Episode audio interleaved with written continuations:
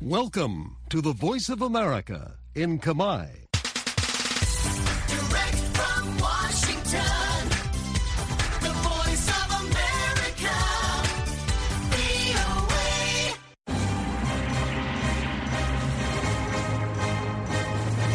សួស្តីប្រិយមិត្តអ្នកស្ដាប់ជាទីមេត្រី នៅក្នុងកម្មវិធីផ្សាយតាមវិទ្យុរបស់ VOA នៅព្រឹកថ្ងៃសុក្រទី23ខែកុម្ភៈឆ្នាំ2024នេះខ្ញុំជឹងពូជីននិងសហការីនៃក្រុមផ្សាយជាខេមរៈភាសាសូមស្វាគមន៍ប្រិយមិត្តពីរដ្ឋធានី Washington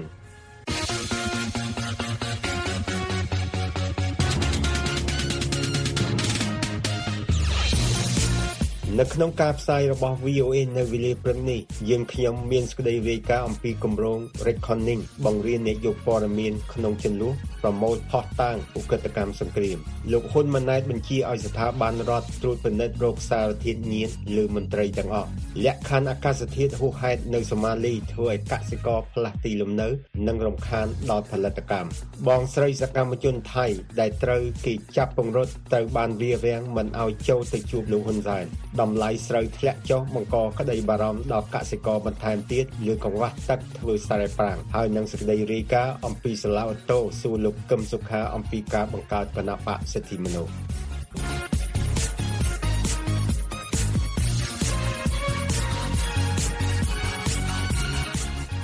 អ្នកកសែតដែលយកព័ត៌មានពីចំនួននៅជុំវិញពិភពលោកមានការអនុញ្ញាតពិសេសដើម្បីចូលទៅយកព័ត៌មាននៅទីតាំងឧក្រិដ្ឋកម្មសង្គ្រាមក៏ប៉ុន្តែមានយន្តការតែពីរ3ប៉ុណ្ណោះដែលអាចប្រើប្រាស់ខ្លឹមសារនៃសេចក្តីរាយការណ៍ព័ត៌មាននេះធ្វើជាផុសតាងក្នុងតុលាការគម្រោង Reckoning មានបំណងធ្វើការផ្លាស់ប្ដូរបញ្ហានេះអ្នកយកព័ត៌មាន VOA អ្នកស្រី Anna Chernikova រាយការណ៍រឿងនេះលោកសៃមនីជួនក្តីប្រាយសម្រួលដូចតទៅគម្រោង Reckoning មានបំណងក្លាយជាយន្តការផ្លាស់ប្ដូរមួយលើវិជាជីវៈសារព័ត៌មានបែបស៊ើបអង្កេតនិងសិទ្ធិមនុស្សក្នុងពិភពលោកអ្នកស្រី Janine D. Gavani សហស្ថាបនិកនិងជាអ្នកស៊ើបអង្កេតនឹងយកព័ត៌មានពីសិទ្ធិមនុស្សក្នុងតំបន់ចំនួនថា គម្រោងនេះស្វែងរកយុត្តិធម៌និងធ្វើឲ្យមានគណនេយ្យភាពក្នុងគ្រាសង្គ្រាមនិងការបញ្ចេញមតិជាសាធារណៈនិងប្រព័ន្ធតុលាការអ្នកស្រីថ្លែងដូចនេះថា I've always worked in in conflict zones, war zones. ខ្ញុំបានធ្វើការក្នុងតំបន់ចំនួនតំបន់ក្រោយពេលសង្គ្រាមចប់និងធ្លាប់សម្ភាសជនរងគ្រោះជាច្រើនអ្នកគេត្រូវរក្សាកំណត់ហេតុទាំងនោះខ្ញុំគិតថាសង្គ្រាមនិងកន្លែងទាំងអស់ដែលមានអ្នកឈឺចាប់ គួរត្រូវបានអនុវត្តឲ្យស្មើភាពគ្នាគម្រោង Reckoning ច្របាច់បញ្ចូលគ្នានៅវិជាជីវៈសារព័ត៌មាននិងការតស៊ូមតិដោយបណ្ដុះបណ្ដាលអ្នកយកព័ត៌មាននិងអ្នកស្រាវជ្រាវធ្វើកំណត់ហេតុប្រមូលនិងរក្សាសេចក្តីថ្លែងការណ៍និងសក្ខីកម្មនានាដើម្បីយកទៅប្រើប្រាស់ក្នុងសំណុំរឿងក្តីការនេះមានន័យថាក្នុងចំណោមបញ្ហានានាអ្នកយកព័ត៌មានមិនត្រូវសួរសំណួរនាំមុខនិងមិនត្រូវបង្រៀនសាក្សីឲ្យនិយាយពីរបៀបត្រូវឆ្លើយនោះទេ អ្នកកសែតមិនត្រូវជាប់ពាក់ព័ន្ធនឹងតុលាការនិងមិនទទួលការឧបត្ថម្ភពីមូលនិធិឬអង្គការមិនរកកម្រៃណាមួយឡើយកិច្ចសម្ភាសពេលខ្លះត្រូវបានបង្ហាញក្នុងសេចក្តីរាយការណ៍ព័ត៌មានប៉ុន្តែអ្នកស្រី D Gavani ថាការធ្វើដូចនេះមានបំណងធំជាងនេះ In the short term, working with prosecutors, working ក្នុងរយៈពេលខ្លីគឺធ្វើការជាមួយព្រះរាជអាជ្ញាជាមួយអ្នកតស៊ូមតិដាក់សម្ពាធលើអង្គការសហប្រជាជាតិឬរដ្ឋាភិបាល ក្នុងរយៈពេលវែងគឺរក្សាទុកនៅអ្វីដែលបានកើតឡើងឲ្យបានយូរក្នុងរយៈពេល2ឆ្នាំនៃការឈ្លានពានរបស់រុស្ស៊ីលើអ៊ុយក្រែនគម្រោងនេះរៀបចំការងារមួយចំនួនសម្រាប់សាវនាការក្តីជុំវិញអ ுக ្រិតកម្មសង្គ្រាមក្នុងពេលអនាគតអ្នកស្រី Natalia Gumenyuk ប្រធានក្រុមការងារក្នុងក្រុងគៀវផ្ដោតការសាកសួរជនរងគ្រោះនិងសាកសីជុំវិញអ ுக ្រិតកម្មសង្គ្រាមអ្នកស្រីថ្លែងដូចនេះថា So everybody to whom we talk uh, potentially are eligible. គ្រប់គ្នាដែលយើងបានសួរឲ្យនិយាយនៅតុលាការបានដោយសហការជាមួយមេធាវីនិងអ្នកវិភាគអន្តរជាតិយើងបង្កើតវិធីសាស្ត្រនេះឡើងដែលគេថាមិនមែនគ្រាន់តែជាឯកសារសារព័ត៌មានប៉ុណ្ណោះទេ តែក៏ជាភស្តុតាងសម្រាប់ព្រះរាជអាជ្ញា និងការអនុវត្តច្បាប់ក្នុងប្រទេសអ៊ុយក្រែននិងក្រៅប្រទេសដែរការងារដ៏សំខាន់នោះគឺត្រូវបង្ហាញថាអ ுக ្រិតកម្មមួយចំនួនមិនមែនជាកំហុសធម្មតាឡើយ តែជាផ្នែកមួយនៃប្រព័ន្ធដែលធ្វើឡើងដោយកងទ័ពរុស្ស៊ីរដ្ឋាភិបាលក្រុងមូស្គូបដិសេធប្រព្រឹត្តអំពើឃោរឃៅទោះជាអង្គការសហប្រជាជាតិបានកត់ត្រាពីតាក់ទិចរបស់រុស្ស៊ីក្នុងការសម្លាប់ជនស៊ីវិលជាង10000នាក់ការចាប់ពង្រត់កុមារជាច្រើនរយឬអាចពាន់នាក់និងការប្រើប្រាស់ការរំលោភផ្លូវភេទធ្វើជាអាវុធជាដើម អ្នកស្រី Natalia Gumenyuk ថ្លែងដូចនេះថា We see that the same commanders are still, you know, shelling the rockets. Uh, in យើងឃើញមេបញ្ជាការដដែលដដែលជាអ្នកបាញ់គ្រាប់រ៉ុកែតមិនរើសមុខលើហេដ្ឋារចនាសម្ព័ន្ធស៊ីវិលដូចជាស្ថានីយ៍រថភ្លើងផ្ទះផ្សារ និងទីតាំងជាច្រើនទៀតនិងបានធ្វើសកម្មភាពដូចគ្នាដែរក្នុងការធ្វើទរណកម្មលើជនរងគ្រោះនិងឆក់ខ្សែភ្លើងហើយសកម្មភាពទាំងនេះក៏កើតមានដូចគ្នាដែរនៅក្នុងទីក្រុង Berdiansk ក្រុង Kherson ក្រុងកាខៅកានិងទីក្រុង Izium ដោយមាននៃការចាប់ខ្លួនប្រធានាធិបតីរុស្ស៊ីលោក Vladimir Putin ចេញដោយតុលាការព្រហ្មទណ្ឌអន្តរជាតិនិងការបង្ហាញការចោទប្រកាន់អ ுக ្រិតកម្មសង្គ្រាមរបស់អាមេរិកប្រឆាំងកងទ័ពរុស្ស៊ីនោះការងារនៃគម្រោង Reckoning និងគម្រោងផ្សេងៗទៀត ទំនងជានឹងដើរតួនាទីដ៏សំខាន់នៅក្នុងសវនាការនាពេលអនាគតពីរដ្ឋធានី Washington ខ្ញុំសាយមុនី VOA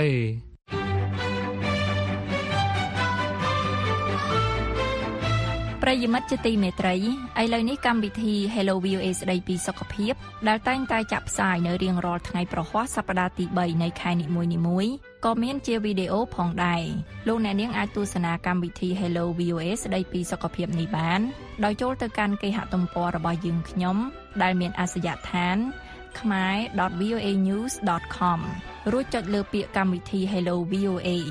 នោះលោកអ្នកនឹងចូលទៅដល់ទំព័រមួយទៀតដែលមានកម្មវិធី Hello VOA សុខភាពហើយលោកអ្នកនាងអាចទស្សនាវីដេអូមួយណាក៏បាន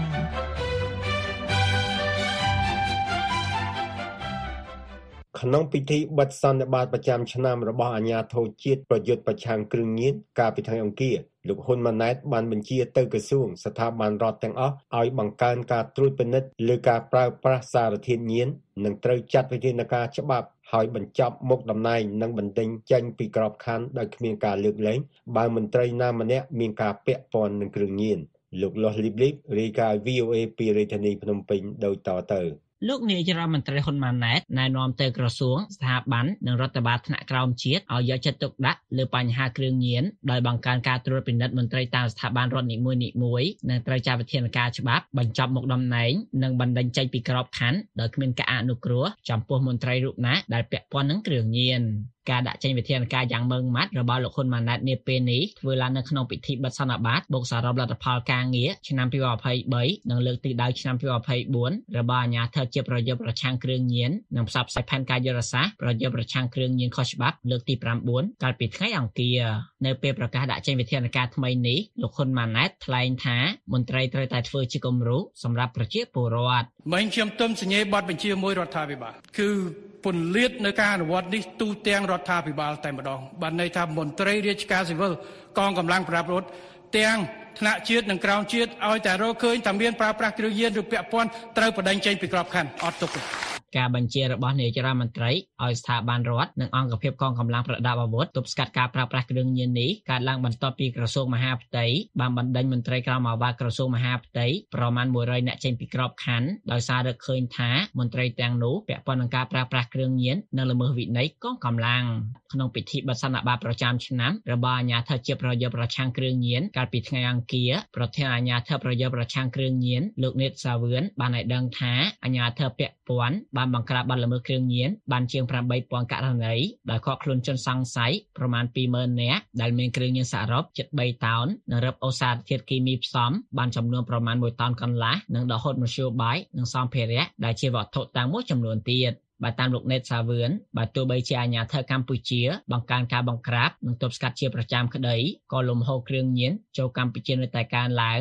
ដោយសារតែទីតាំងភូមិសាស្ត្រកម្ពុជាជាប់ព្រំដែនត្រីកោណមាសបូករួមនៅនៃការសកលលោកនិងហេដ្ឋារចនាសម្ព័ន្ធតាមព្រំដែនមានលក្ខណៈស្មុគស្មាញនិងកង្វះឧបករណ៍បច្ចេកទេសឆែកឆេរជាដើមលោកបានណែនាំឲ្យអាជ្ញាធរយកចិត្តទុកដាក់ពង្រឹងនិងត្រួតពិនិត្យលើការចែកចាយនិងការប្រើប្រាស់គ្រឿងញៀនក្នុងសហគមន៍និងតាមទីជនបទ កន្លងទៅបញ្ហាគ្រឿងញៀននៅកម្ពុជាភាគច្រើន ជាករណីនាំចូលពីក្រៅប្រទេសប៉ុន្តែ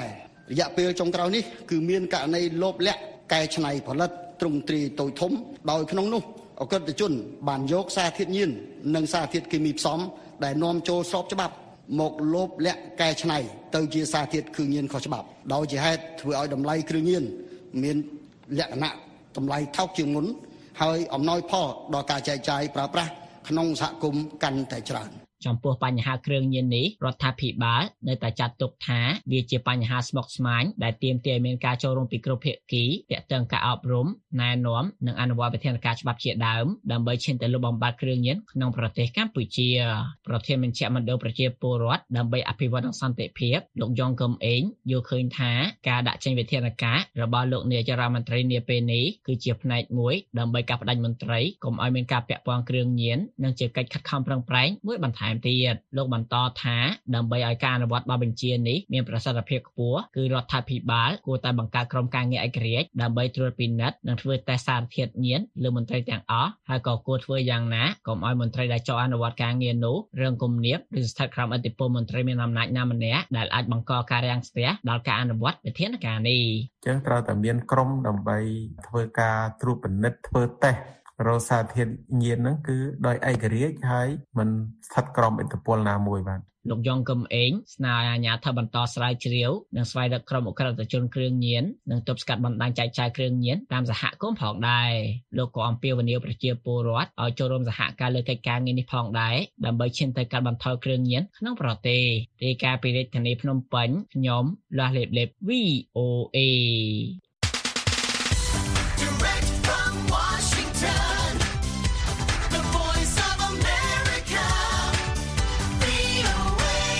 កាលពីឆ្នាំមុន កសិករសូម៉ាលីបានប្រឈមមុខនឹងការគំរាមកំហែងពីរគឺគ្រោះរាំងស្ងួតនិងគ្រោះទឹកជំនន់កសិករសូម៉ាលីបានចែករំលែកបទពិសោធន៍របស់ពួកគេថាតើលក្ខខណ្ឌអាកាសធាតុហួសហេតុកំពុងប៉ះពាល់ពួកគេដោយរបៀបណា លោក Jamal Ahmed Osman នៃ VOA រាយការណ៍រឿងនេះពីទីក្រុង Mogadishu នៃប្រទេសសូម៉ាលី លោកសាយមនីជួនសេចក្តីប្រែសម្រួលដូចតទៅ នៅភូមិខាលុនឌីក្នុងតំបន់ Middle Shabelle ប្រទេសសូម៉ាលីលោកអ៊ីស្ម៉ែលហាសាន់ស្ថិតក្នុងចំណោមមនុស្សជាច្រើនអ្នកដែលថាពួកគេរងផលប៉ះពាល់ពីការប្រែប្រួលអាកាសធាតុលោកហាសាន់ដែលជាកសិករថ្លែងថា caqabadaha aan la kulmay waxaa ka mid ah yacni អ្នកប្រហែលជាមិនរួចថ្លៃចំណាយផងដោយសារតែការប្រែប្រួលអាកាសធាតុពេលត្រៀមដាំដុះអ្នកអាចខ្វះទឹកសម្រាប់គ្រាប់ពូជដោយសារគ្រោះរាំងស្ងួតឬទឹកជំនន់អាចធ្វើឲ្យបាក់ច្រាំងទន្លេក្នុងរដូវវស្សាដែលជាបញ្ហាប្រឈម ama sidii la rabo uu bixi waayo កសិករម្នាក់ទៀតគឺលោក Mudi Osman ដែលឥឡូវផ្លាស់ទីលំនៅក្នុងស្រុក Java ថា ពេលមានទឹកច្រើនពេកនិងតិចពេកបានបង្ខំលោកឲ្យចាកចេញពីកសិដ្ឋានពីរដងហើយលោកអូស្ម៉ាន់ថ្លែងថា inay ka baxan waa waa dan ទិន្នផលរបស់យើងរងផលប៉ះពាល់ពីការប្រែប្រួលអាកាសធាតុប្រឈមនឹងទឹកជំនន់និងគ្រោះរាំងស្ងួតជារៀងរាល់ឆ្នាំពេលទឹកលិចនិងពេលរាំងស្ងួតយើងត្រូវផ្លាស់ប្ដូរទីលំនៅកសិករក្នុងស្រុកជូវ៉ាអ្នកស្រីជូម៉ាឡូអាម៉ាត់សាហ្វាក៏ថ្លែងដែរថា គ្រោះរាំងស្ងួតបានប៉ះពាល់ដល់ការធ្វើកសិកម្មនៅតំបន់នេះរយៈពេល4ឆ្នាំកន្លងមកនេះយើងបានស៊ូទ្រាំនឹងគ្រោះរាំងស្ងួតជាបន្តបន្ទាប់ហើយរាល់ពេលដែលយើងសាបព្រោះដំណាំរបស់យើង ទន្លេក៏រីងស្ងួតដែរ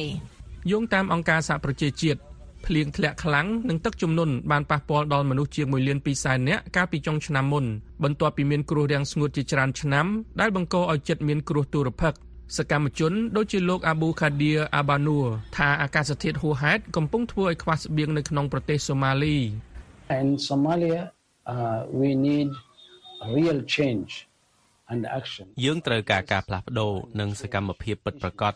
ដើម្បីដោះស្រាយបញ្ហាប្រែប្រួលអាកាសធាតុដែលប៉ះពាល់ដល់ប្រទេសទាំងមូលជាពិសេសសម្រាប់កសិករនិងគ្រប់វិស័យផ្សេងទៀត កសិករនិងសកម្មជនអាកាសធាតុដូចជាលោកអាបានូព្រួយបារម្ភអំពីការចុះថយផលិតកម្មស្បៀងអាហាររយៈពេលវែងនិងផលប៉ះពាល់មកលើប្រទេសនេះនៅពេលដែលអាកាសធាតុហួសហេតុកើតឡើងញឹកញាប់ពីរដ្ឋធានី Washington ខ្ញុំសាយមុនី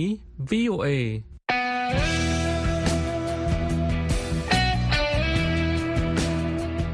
សួស្តីអស់លោកអ្នកនាងជាទីមេត្រីលោកអ្នកអាចតាមដានព័ត៌មានទាន់ហេតុការណ៍និងថ្មីថ្មីៗពី VOA តាមរយៈបណ្ដាញសង្គម X ដែលពីមុនហៅ Twitter VOA នាំមកជូនលោកអ្នកនៅព័ត៌មានសំខាន់សំខាន់ៗដែលទុកចិត្តបាន អំពីប្រទេសកម្ពុជា និងអំពីប្រទេសផ្សេងៗក្នុងពិភពលោកសូមលោកអ្នកចូលទៅកាន់អាសយដ្ឋាន x.com/voa ខ្មែររួចចុចពាក្យ follow សូមអរគុណ ខណៈដែលលោកហ៊ុនសែនអតីតនាយករដ្ឋមន្ត្រីកម្ពុជាបានទៅសួរសុខទុក្ខលោកថាក់ស៊ីនស៊ីនវ៉ាត់ដែលលោកចាត់ទុកថាជាបងប្អូនធរនៅទីក្រុងបាងកកកាលពីថ្ងៃទី21ខែកុម្ភៈនេះបងស្រីរបស់សកម្មជនដែលត្រូវចាប់ពង្រត់នៅទីក្រុងភ្នំពេញបានព្យាយាមសួរលោកអំពីការស៊ើបអង្កេតលើបញ្ហានេះតែត្រូវបានរារាំងដោយសមត្ថកិច្ច VOA រាយការណ៍អំពីរឿងនេះ ហើយខ្ញុំជឹងពូជីនជួនសេចក្តីប្រែសម្រួលដូចតទៅអ្នកស្រីស៊ីតានុនសាទស័ក្តិសិទ្ធដែលជាបងស្រីរបស់សកម្មជនថៃមួយរូបដែលត្រូវបានចាប់ពង្រត់ខណៈពេលរស់នៅក្នុងប្រទេសកម្ពុជាត្រូវបានប៉ូលីសថៃហាមឃាត់ក្នុងពេលអ្នកស្រីព្យាយាមចូលទៅជួបលោកហ៊ុនសែនដើម្បីសួរនាំអំពីការស៊ើបអង្កេតលើករណីប្អូនប្រុសរបស់អ្នកស្រី។ អតីតនាយករដ្ឋមន្ត្រីកម្ពុជាលោកហ៊ុនសែនដែលបច្ចុប្បន្នជាប្រធានក្រុមឧត្តមក្រុមប្រឹក្សាផ្ទាល់ព្រះមហាក្សត្របានទៅសួរសុខទុក្ខលោកថាក់ស៊ីនឈីណាវ៉ាត់អតីតនាយករដ្ឋមន្ត្រីថៃនៅគេហដ្ឋានរបស់លោកនៅក្នុងទីក្រុងបាងកកដោយលោកជាភ្ញៀវទី1បន្ទាប់ពីលោកថាក់ស៊ីនត្រូវបានដោះលែងមុនការកំណត់ហើយបានត្រឡប់ទៅកាន់គេហដ្ឋានរបស់លោកវិញកាលពីថ្ងៃអាទិត្យអ្នកស្រីស៊ីតានុនបានប្រាប់ VOA ផ្សាយជាភាសាថៃថាអ្នកស្រីបានព្យាយាមចូលទៅជួបលោកហ៊ុនសែន ដោយសារអ្នកស្រីចង់ដឹងអំពីការវិវត្តនៃការស៊ើបអង្កេតលើករណីប្អូនប្រុសរបស់អ្នកស្រីដែលត្រូវបានចាប់ពង្រត់ទាំងកណ្ដាលថ្ងៃនៅមុខកន្លែងស្នាក់នៅរបស់លោកនៅក្នុងទីក្រុងភ្នំពេញកាលពីឆ្នាំ2020អ្នកស្រីបានថ្លែងថាគណៈកម្មាធិការអង្គការសហប្រជាជាតិបានពិនិត្យលើករណីប្អូនប្រុសវ៉ាន់ចាលិនកាលពី2ថ្ងៃមុនបតិភូមកពីប្រទេសកម្ពុជាបាននិយាយថាការស៊ើបអង្កេតត្រូវបានធ្វើឡើងដោយស្ងាត់ស្ងាត់ ហើយថាការនេះមិនជាប់ពាក់ព័ន្ធជាមួយនឹងអាជ្ញាធរទេដូច្នេះមានន័យថាពួកគេបានដឹងព័ត៌មានអ្វីមួយចំនួនអំពីរឿងនេះប៉ុន្តែហេតុអ្វីបានជាពួកគេមិនប្រាប់ដល់សាច់ញាតិគាត់អំពីអ្វីដែលបានកើតឡើងរហូតមកដល់ពេលនេះវាមានរយៈពេលជិត4ឆ្នាំហើយ អ្នកស្រីស៊ីតានុនបន្តទៀតថាដោយសារអតីតនាយករដ្ឋមន្ត្រីលោកហ៊ុនសែនធ្វើដំណើរមកកាន់ប្រទេសថៃហើយប្អូនប្រុសខ្ញុំដែលមានឈ្មោះម្យ៉ាងទៀតថាតាបានបាត់ខ្លួននៅពេលដែលលោកជានាយករដ្ឋមន្ត្រីនោះ តើខ្ញុំអាចសួរលោកបានទេក្នុងនាមជាសាច់ញាតិរបស់ជនរងគ្រោះដោយសារតែអ្នកស្រីមិនអាចចូលទៅកាន់គេហដ្ឋានលោកថាក់ស៊ីនអ្នកស្រីបានធ្វើបាតកម្ម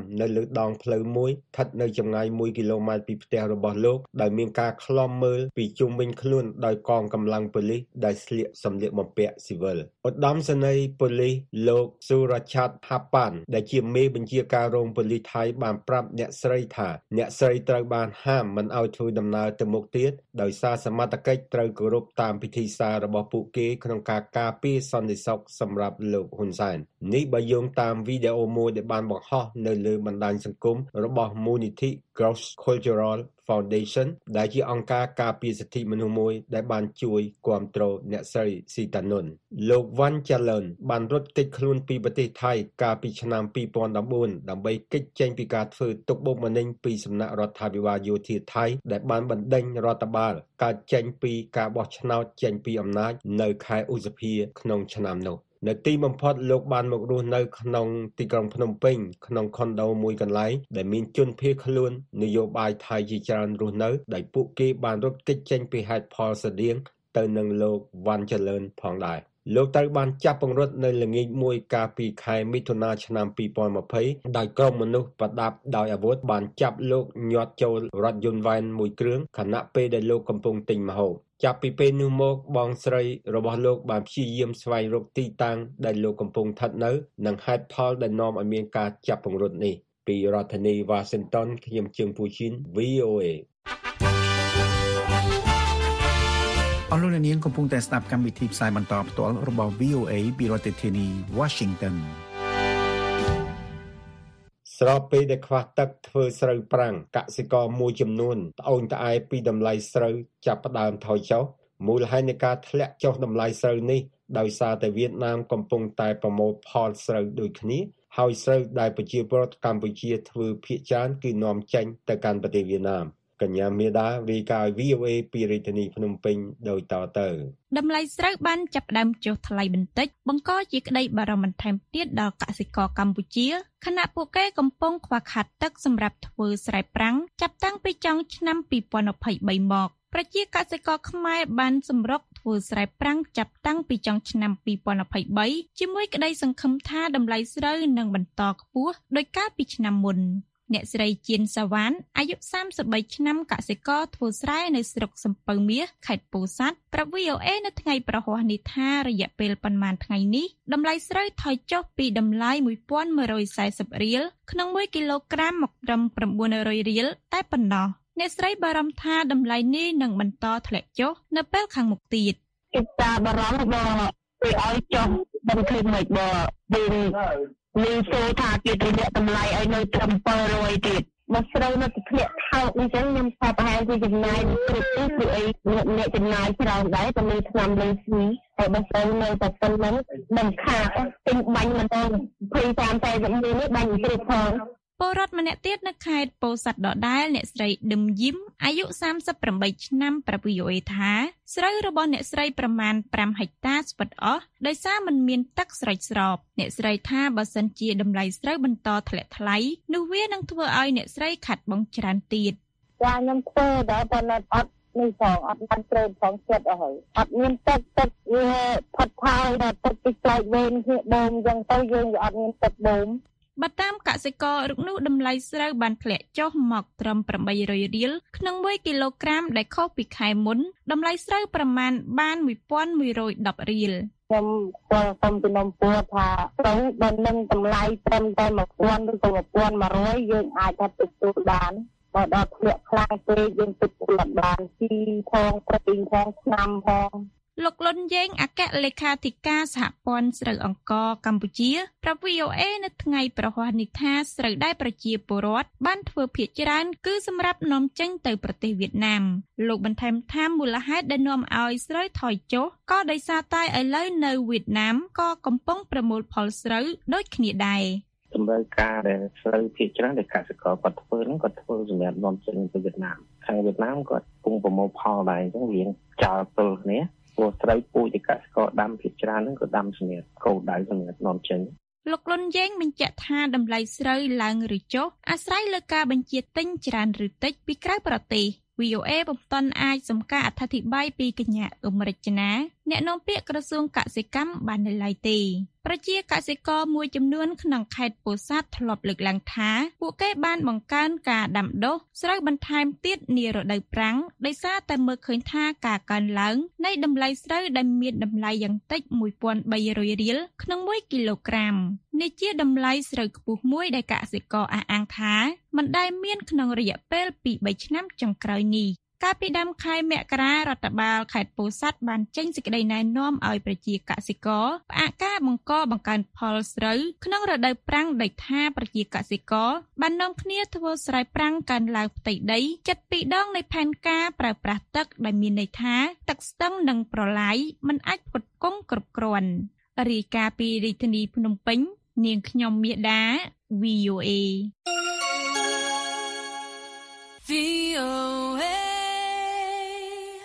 មេដឹកនាំនយោបាយជំទាស់លោកកឹមសុខាបានបង្ហាញខ្លួនជាលើកទី3នៅក្នុងសាលសវនាការសាលាឧត្តរភ្នំពេញទីដែលលោកត្រូវបានក្រុមប្រឹក្សាជំនុំជម្រះសួរអំពីការបង្កើតគណៈបកសិទ្ធិមនុស្សឈានដល់ការបង្កើតអតីតគណៈបកសង្គ្រោះជាតិនិងបដិវត្តនៅប្រទេសយូហ្គោស្លាវីលោកសឹមច័ន្ទសំណាងរាយការណ៍ VOA ពីរាជធានីភ្នំពេញដូចតទៅសាឡាវធររាជធានីភ្នំពេញនៅព្រឹកថ្ងៃប្រហ័សនេះបានចោទសួរលោកកឹមសុខាអំពីការបង្កើតគណៈបកសិទ្ធិមនុស្ស និងការបង្កើតអតីតគណៈបកប្រឆាំងធំមួយគឺគណៈបកសង្គ្រោះជាតិហើយនឹងការថ្លែងរបស់លោកពាក់ព័ន្ធនឹងបដិវត្តនៅប្រទេសយូហ្គោស្លាវីនាយកគ្រប់គ្រងកិច្ចការទូតនៃអង្គការការពារសិទ្ធិមនុស្សលីកាដូលោកអំសំអាតដែលតាមដានសវនកម្មនេះប្រាប់អ្នកកាសែតនៅក្រៅសាលាឧទ្ធរភ្នំពេញកាលពីព្រឹកថ្ងៃប្រហ័សថា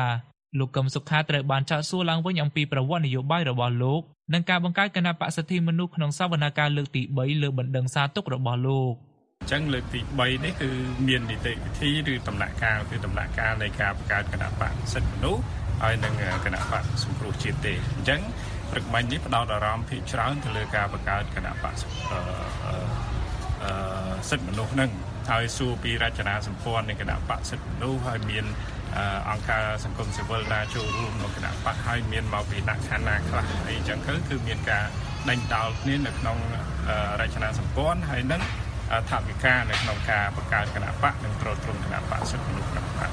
លោកបន្ថែមថាលោកកឹមសុខាបានប្រាប់ក្រុមប្រឹក្សាជំនុំជម្រះថាលោកមិនបានយកលំនាំតាមបដិវត្តដែលទម្លាក់ប្រធានាធិបតីយូហ្គោស្លាវីលោកស្លូបូដានមីឡូសូវីតនោះទេហើយថាការបង្កើតអតីតគណៈបកសង្គ្រោះជាតិជាសេចក្តីប្រាថ្នារបស់ពលរដ្ឋដែលចង់បានលទ្ធិប្រជាធិបតេយ្យអតីតប្រធានអតីតគណៈបកសង្គ្រោះជាតិលោកកឹមសុខាត្រូវបានតុលាការរាជធានីភ្នំពេញកាត់ទោសពីបទសន្តិទ្ធិភាពជាមួយបរទេស ឬខុបខិតត្រូវរើគ្នាជាមួយបរទេសដែលស្មើនឹងអំពើក្បត់ជាតិកាលពីឆ្នាំ2023ហើយតាមការផ្ដន់ទានទោសនោះលោកត្រូវបានដាក់ឲ្យស្ថិតក្រោមការឃុំខ្លួនក្នុងផ្ទះរយៈពេល27ឆ្នាំសិទ្ធិនយោបាយរបស់លោកទាំងអស់ត្រូវបានដកហូតហើយលោកក៏មិនត្រូវបានអនុញ្ញាតឲ្យជួបជនបរទេសលើកលែងតែមានការអនុញ្ញាតពីតុលាការ ដំណើរការកាត់ទោសមេដឹកនាំនយោបាយជំទាស់រូបនេះផ្ដើមចេញពីផតាំងនៃសន្ទរកថានយោបាយដ៏ចម្រូងចម្រាសមួយរបស់លោកនៅទីក្រុងមែលប៊នប្រទេសអូស្ត្រាលីក្រោយអតីតគណៈបកសង្គ្រោះជាតិទទួលបានអាសនៈសភាចំនួន55ក្នុងការបោះឆ្នោតជាតិកាលពីខែកក្កដាឆ្នាំ2013សហមេធាវីការពារក្តីរបស់លោកកឹមសុខាគឺអ្នកស្រីមេងសុភារីលើកឡើងថាលោកកឹមសុខាធ្វើនយោបាយទៅតាមគោលគំនិតរបស់លោកដែលមិនបានយកលំនាំតាមចលនាបដិវត្តន៍ណាមួយនោះទេ និងថាលោកកឹមសុខាជាបុគ្គលប្រកាន់គោលការណ៍អហិង្សាខ្លឹមសាររួមដែលគាត់បានបញ្ជាក់នៅក្នុងសន្ទរកថារបស់គាត់ហ្នឹងគឺគាត់បានបញ្ជាក់នៅចុងក្រោយនៃសន្ទរកថាហើយថាគាត់គឺមិនឲ្យខ្មែរមានការហូរឈាមចិត្តលក្ខណៈអ្នកណាដែលដែលប្រើហិង្សាគឺចេញឲ្យឆ្ងាយពីគាត់គឺគាត់អត់មានត្រូវការធ្វើការជាមួយទេនៅក្នុងសន្ទរកថារបស់គាត់ក៏គាត់មានបញ្ជាក់ចឹងដែរចា៎ ក្នុងសវនកម្មលើកទី3នេះដែរតុលាការក៏បានចោទសួរលោកកឹមសុខាអំពីការប្រើប្រាស់ពាក្យចាស់បុរាណមួយចំនួនផងដែរពេលលោកកឹមសុខាថ្លែងសារនយោបាយនេះបើតាមសហមេធាវីការពីក្តីលោកកឹមសុខាអ្នកស្រីមេងសុភារីថ្លែងថាហើយគាត់ក៏បានលើកឡើងផងដែរថាជាក់ស្ដែងពាក្យស្លោកខ្មែរយើងមានច្រើនណាស់ដែលយើងស្ដាប់មកផ្លែទៅធ្វើបើសិនជាយើងអត់មានការបកស្រាយយើងយល់ឃើញផ្សេងឧទាហរណ៍ដូចជាថាចង់ចេះឲ្យសម្រាប់អាចារ្យចង់បានផ្លែផ្កាឲ្យយកភ្លើងដុតគល់អញ្ចឹងសួរថាដើម្បីឲ្យចង់ចេះទៅសម្រាប់អាចារ្យនឹងមែនចាគឺអត់ទេគឺថាឲ្យមានន័យថាឲ្យអ្នកដែលចង់ចេះដឹងហ្នឹងឲ្យទៅជីកទៅសួរអ្នកដែលជាអ្នកចេះដឹងហ្នឹងសួរឲ្យទាល់តែម្ដងចាហើយយកភ្លើងដុតគល់សួរថាចង់បានផ្លែផ្កានឹងឲ្យយកភ្លើងទៅដុតគល់ហ្នឹងគឺយើងយកភ្លើងទៅដុតមែនអត់មែនទេគឺឲ្យយើងស្រោចទឹកដាក់ជីថែទាំអីទៅណាឈុំច្រែងគល់ហ្នឹងទៅណាដើម្បីឲ្យបានផ្លែបានផ្កាគឺក្នុងន័យបែបហ្នឹងចា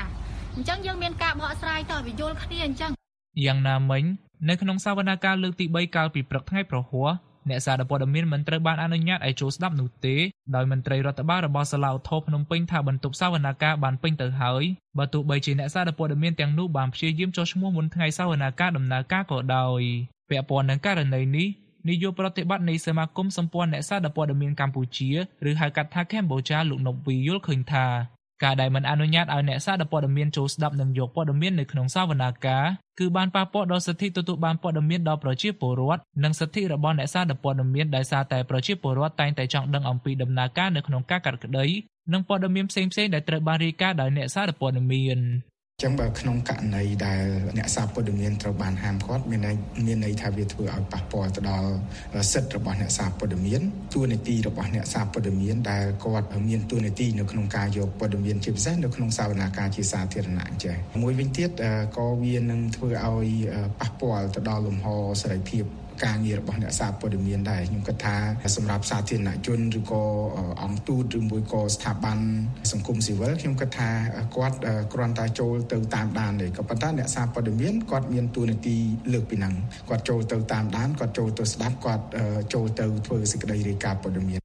អ្នកនាំពាក្យសាឡាឧទ្ធរភ្នំពេញលោកខុនលៀងមេងមិនឆ្លើយតបសំណួររបស់ VOA ដែលផ្ញើតាមប្រព័ន្ធទំនាក់ទំនង Telegram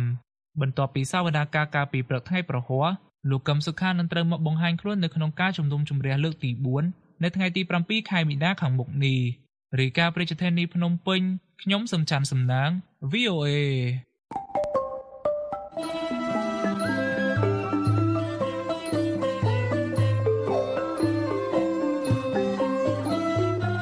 កម្មវិធីផ្សាយរបស់ VOA នៅព្រឹកនេះចាប់តែត្រឹមនេះ សូមអរលោកអ្នករងចាំស្ដាប់សេចក្តីរាយការណ៍ព័ត៌មានជាតិនិងអន្តរជាតិរបស់ VOA នៅក្នុងការផ្សាយបន្តផ្ទាល់របស់យើងខ្ញុំនៅរាត្រីនេះទៀតពីម៉ោង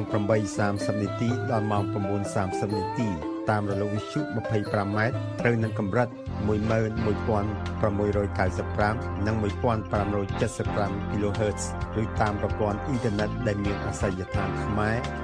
.voenews.com សូមអរលោកអ្នកបានប្រកបដោយសេចក្តីសុខនិងសុភមង្គលគ្រប់ប្រការអារុនសួស្តី